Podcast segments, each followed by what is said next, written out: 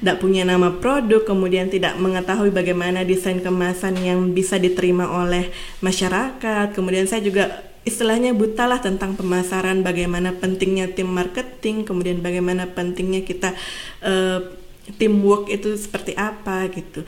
Tapi ternyata setelah mengikuti semeton satu, setelah dibimbing dan dimentori, saya akhirnya mendapatkan uh, banyak ilmu gitu, ilmu tentang uh, bagaimana sih cara membuat suatu produk itu dapat diterima di masyarakat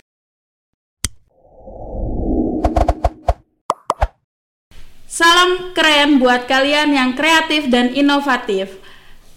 Suara Transform Suara Anak Muda. Perkenalkan nama aku Uun yang akan menemani kalian dalam sesi Titi DJ alias tanya-tanya dijawab. Oke, eh, masa pandemi begini biasanya makanan yang paling enak buat dimakan itu adalah mie instan. Cepet dibikin terus langsung jadi. Di sini di depan saya sudah ada namanya mie Clarias alias mie lele. Udah ada di depan aku owner yang bikin mie Clarias ini namanya Mbak Fitri. Halo Mbak Fitri. Halo Mbak Uun. Gimana kabarnya Mbak? Alhamdulillah sehat Mbak. Mbak Uun gimana? Alhamdulillah sehat juga. Gimana kesibukannya sehari-hari Mbak? Oke, okay. uh, eh, saya kesibukan sehari-hari adalah sebagai dosen gizi di Universitas Bumi Gora Mataram. Yeah. Selain itu uh, juga sibuk untuk membuat mie ini, mie Clarias atau mie lele ini, juga sibuk untuk mengurus anak. Wah hebat sekali nih, sibuk begitu, gimana bagi-bagi waktunya Mbak? Oke, okay, kalau bagi waktu menurut saya uh, alhamdulillah kita bisa menetapkan prioritas ya Mbak ya. Jadi prioritas ini bisa mendahulukan mana kegiatan yang uh, penting dulu ya, baru diurutkan ke kegiatan yang tidak penting. Untuk uh, pembuatan mie Clarias, karena saya merupakan seorang dosen, jadi saya memiliki tim yang hmm. dalam timnya itu juga terdapat mahasiswanya. Jadi dari mahasiswa itu kita bikin tim, ada yang bagian untuk produksi, ada yang bagian purchasing, ada yang bagian promosi, dan juga pengantaran.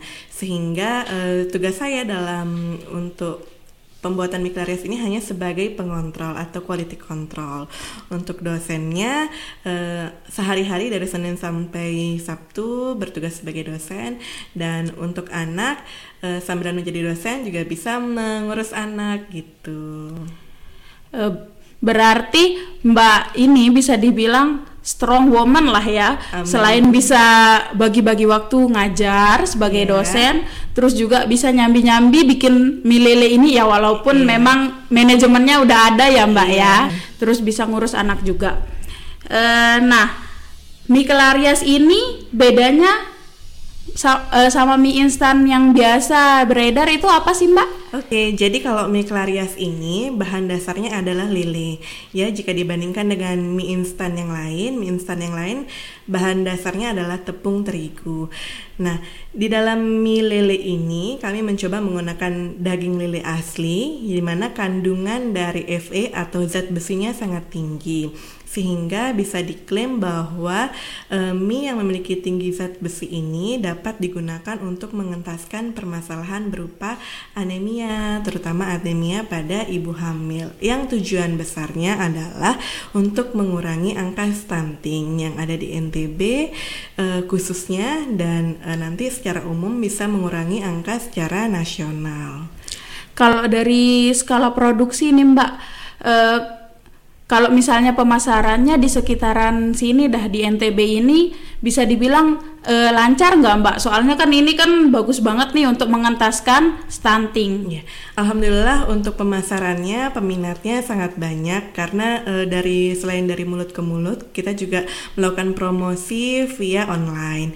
Nah, e, mahasiswa yang kami e, berikan istilahnya untuk job desk ini sangat melakukannya dengan baik.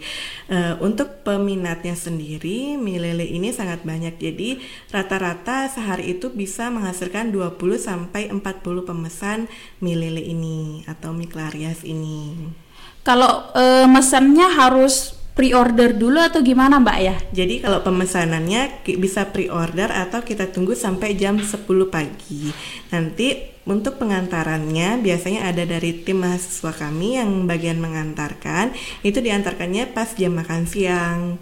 Seperti itu jam makan. Nah, eh, pas awal-awal Mbak Fitri mencetuskan Miklarias ini, ada nggak sih eh, tantangan atau kesulitan yang Mbak Fitri rasakan? Oke, jadi eh, sebenarnya mie Clarias ini dibuat dengan niatan bahwa saya sebagai nutrisionis ingin membantu mengentaskan permasalahan gizi, baik yang ada di wilayah NTB maupun secara nasional. Nah, dengan melihat tingginya eh, permasalahan stunting terutama di NTB ini, membuat saya apa pun tantangannya insya Allah bisa dilewati.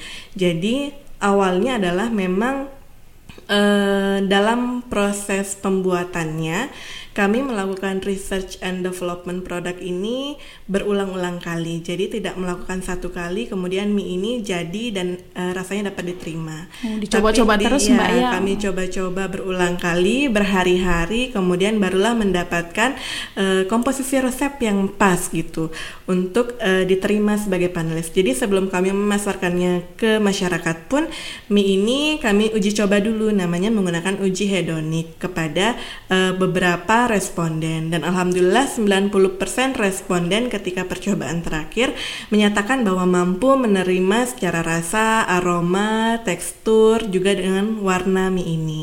Begitu. Jadi persiapannya kayaknya lumayan lama Mbak ya untuk bisa ngeriset eh, ke pasar kayak gimana bisa diterima sama masyarakat secara Iya, umum. betul. Jadi kami melewati uji yang namanya uji hedonik agar eh, menghasilkan mie mana sih nantinya yang paling dapat diterima di masyarakat. Begitu, Mbak. Kenapa harus mie lele Mbak ya? Kalau misalnya nih kan banyak nih eh, daging-daging yang lain, ikan-ikan yang lain, kenapa harus lele? Iya. Pertama, kenapa harus lele? Karena ternyata di di lele itu memiliki kandungan zat besi sebesar 5,3 gram per 100 gram berat dapat dimakannya. Dan ternyata kandungan zat besi di lele itu lebih tinggi daripada yang ada di dalam telur, yang ada di dalam eh, ikan-ikanan, eh maksudnya adalah yang ada di dalam seafood, juga yang ada di dalam eh, daging sapi atau daging ayam sehingga saya memilih mie eh, ikan lele ini sebagai bahan dasarnya juga saat itu ketika saya pernah riset di suatu desa ternyata mereka untuk em, melakukan kehidupan sehari-hari, melakukan ketahanan pangan tingkat rumah tangganya adalah dengan membudidayakan lele. Jadi desa itu bernama Desa Dusun Duduk Atas di wilayah eh, wilayah Batu Layar sana. Desa ini adalah desa di wilayah di atas eh, perbukitan gitu Mbak ya. Jadi untuk Iya. me- ke desa ini kita harus menempuh sekitar 30 menit perja- perjalanannya. Perjalanan. Dan untuk ke sana pun tidak serta-merta bisa menggunakan mobil atau motor, tapi harus melewati eh, jalanan berbatu, bukit yang sangat licin dan juga Wah. bertanah gitu. Jadi mereka untuk ke pasar itu ternyata sangat sulit sekali aksesnya.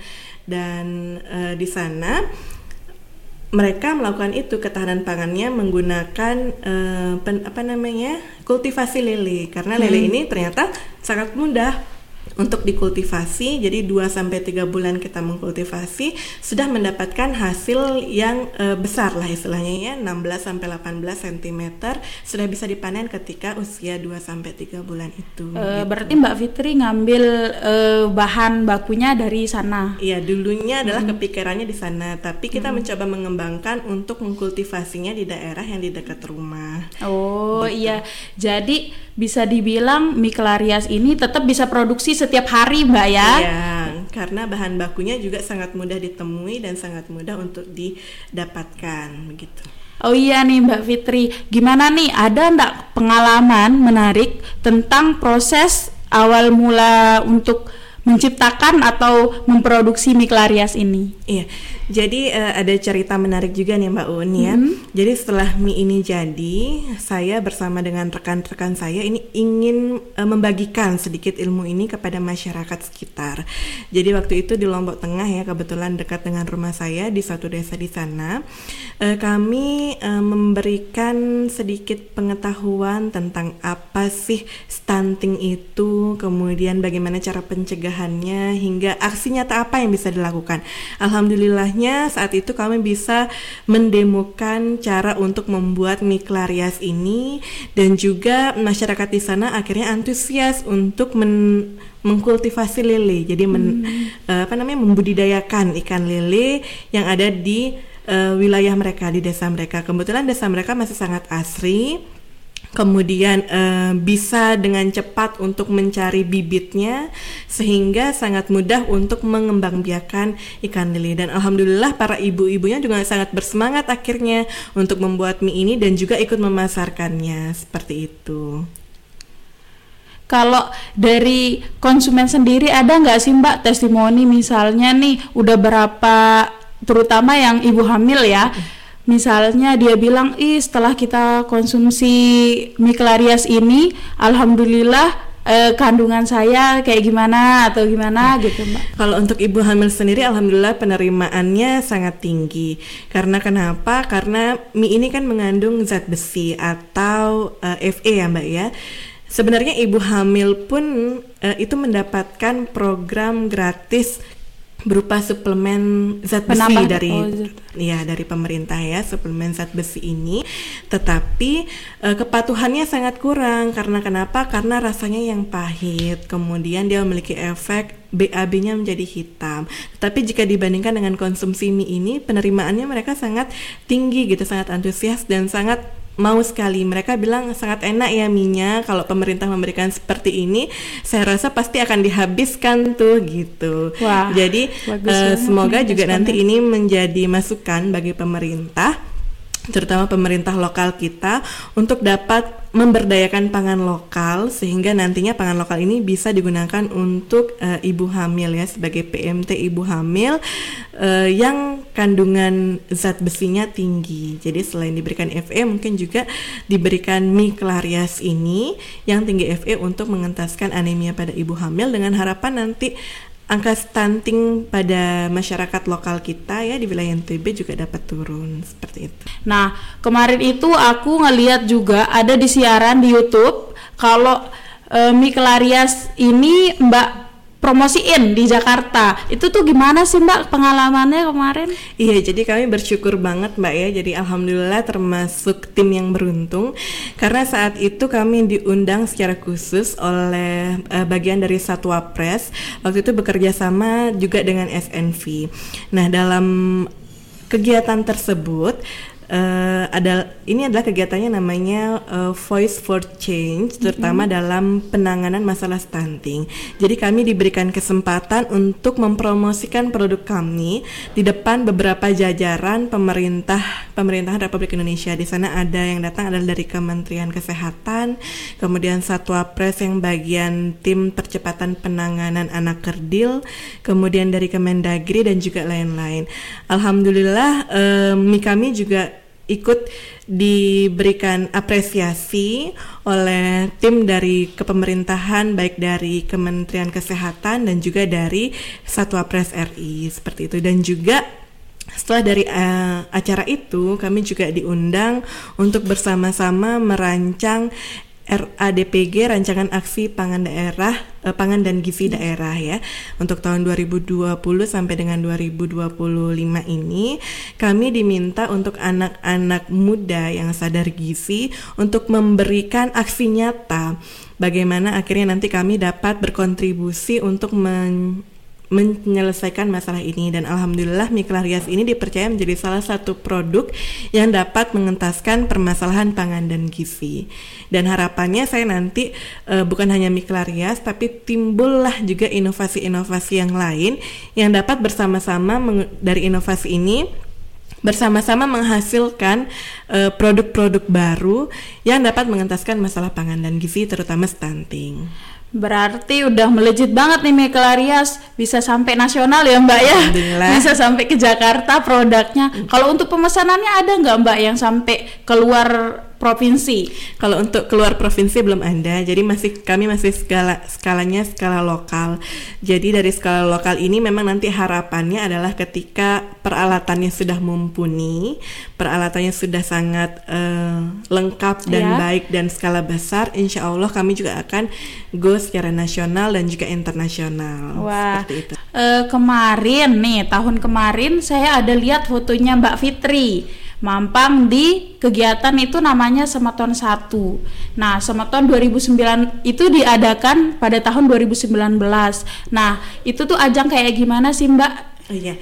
Sedikit cerita tentang ajang Semeton ini, ketika itu tahun 2019 saya juga mendapatkan pamflet ya yang disebarkan saya mencoba mengikuti ajang ini. Jadi ajang ini adalah ajang kompetensi uh, ide bisnis dalam bidang pangan dan gizi serta ketahanan pangan yang diadakan oleh Transform saat itu bekerja sama dengan SNV.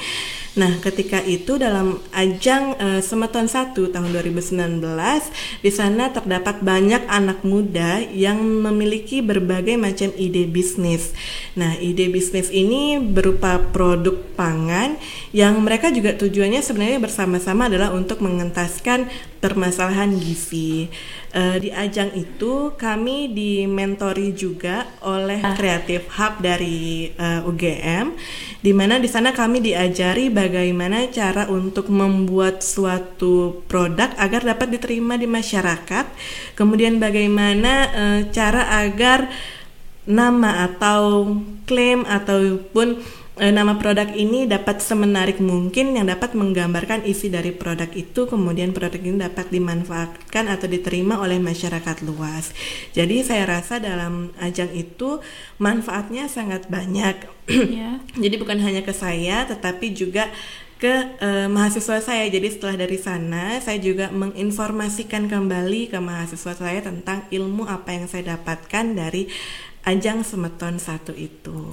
Nah, kalau nyambungnya nih ke produk Miklarias ini hmm. sebelum dan sesudah ikut kompetisi ini kayak gimana sih Mbak? Kompetisi hmm. sama tahun kemarin kayak gimana? Ada bedanya nggak sih iya. sebelum ngikut misalnya eh, nggak e, terlalu banyak yang minat atau hmm. gimana sih? Iya, sebenarnya sebelum ikut kompetisi semeton ini saya juga berjualan mie, Mbak. Iya. Tapi pakainya adalah pakai mie yang biasa, mm -hmm. ya yang menggunakan uh, tepung terigu protein tinggi. Nah, pada saat sebelum kompetisi semeton diadakan, jadi saya itu tidak memiliki produk nama produk gitu, Mbak. Mm-hmm. Jadi menurut saya ah asal jual-jual aja, kalau konsumen pesen ya udah buatin gitu.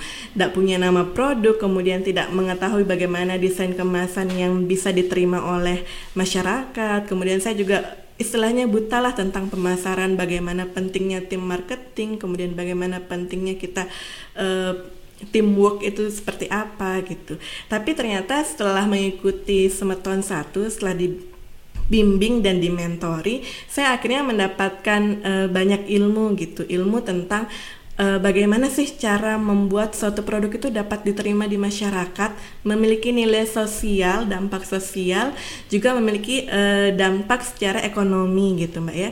Jadi kan uh, sepertinya kalau dalam ajang itu adalah tidak melulu ini adalah soal uh, menang. keuntungan atau ya. menang atau iya. keuntungan, ya. tapi ada dampak sosial yang kita hasilkan. Misalnya untuk um, mie lele ini, jadi dengan membuat mie klarias kita juga bisa memberdayakan petani lele. Jadi kita bekerja sama dengan petani lele, di mana petani lele itu nantinya akan mendapat keuntungan juga dari uh, kita beli ikannya ya. Kemudian uh, selain itu Selain dari dampak sosial tadi, juga dampak ke kesehatan. Kesehatannya seperti apa? Dengan mengkonsumsi mie klarias ini, setelah kita hitung per 100 gramnya adalah mengandung 4,3 gram uh, zat besinya, sehingga oh, itu setara banget, dengan ya setara dengan memenuhi 25% kebutuhan dari zat besi harian ibu hamil. Jadi diharapkan dengan mengkonsumsi mie klarias ini nantinya para ibu hamil uh, dapat ini ya dapat sehat karena tidak mengalami kondisi yang namanya anemia hmm, tadi iya. sehingga diharapkan nantinya anak yang dilahirkan tidak menjadi stunting dan keluarnya sehat walafiat seperti iya. itu mbak. E, kalau misalnya nih, ini kan tujuan utamanya awalnya untuk ibu-ibu hamil ya. Iya. Kalau misalnya untuk yang biasa, kalau kayak aku nih yang mau konsumsi mie kelarias, bisa nggak sih Mbak? Walaupun bukan ibu hamil lah Oh, gitu iya. ya. Bisa banget Mbak. Jadi sebenarnya kenapa kita membuat mie? Karena memang saya survei sebelumnya, ternyata mie ini dikonsumsi oleh 80% masyarakat Indonesia. Ya, baik dari anak-anak, usia sekolah, remaja, dewasa hingga dengan lansia atau lanjut usia. Jadi, penerimaannya mie ini adalah sebesar 80% tadi. Jadi eh, untuk anak-anak pun bisa dikonsumsi karena tadi itu dia tidak meng- tidak kami tidak menambahkan pengawet di dalamnya, kemudian tidak menambahkan pewarna apa pun, tidak menambahkan eh, zat apa pun. Jadi murni menggunakan daging lele asli yang dicampur dengan eh, tepung di sana. Nah, untuk Mbak misalnya Iya. mau mengkonsumsi mie ini sangat iya, bisa. pengen banget, Mbak. Iya, sangat bisa Mbak. Jadi tidak hanya Mbak, mungkin kakak, adik, saudara, orang tua atau kakek neneknya yang mau mengkonsumsi mie Clarias ini sangat bisa Mbak. Jadi bukan hanya ibu hamil sebenarnya yang butuh zat besi, tapi kita juga wanita usia subur istilahnya ya. Iya. Wanita usia kita ini, wanita usia subur juga sangat membutuhkan Fe ini. Jadi Fe atau zat besi ini bermanfaat untuk tubuh kita karena bisa meningkatkan konsentrasi, daya ingat, kesegaran, kebugaran, tidak mudah lelah, jadinya tidak mudah mengantuk. Jadi bisa digunakan untuk meningkatkan produktivitas sehari-hari dalam bekerja seperti itu. Eh, kayaknya aku bakalan langsung beli deh Mbak. Soalnya memang kayak bener yang dibilang Mbak Fitri tadi. Aku tuh pencinta mie dan Oh, iya. emang kayaknya sehari-hari ya orang sering banget yang namanya konsumsi mie. Nah, udah ada nih konsumsi yang konsumsi mie yang sehat, terutama bisa eh, buat ibu hamil. Bagus banget ya Mbak ya supaya adik-adik kita yang lahir selanjutnya atau generasi selanjutnya itu tetap sehat, tidak mengalami stunting. Oke, eh, terima kasih Mbak Fitri, sangat bermanfaat bincang-bincang hari ini, di mana kita bisa eh, memanfaatkan Miklarias ini bisa jadi eh, penangkal untuk stunting. Iya. Oke, terima kasih, bye bye. Bye bye.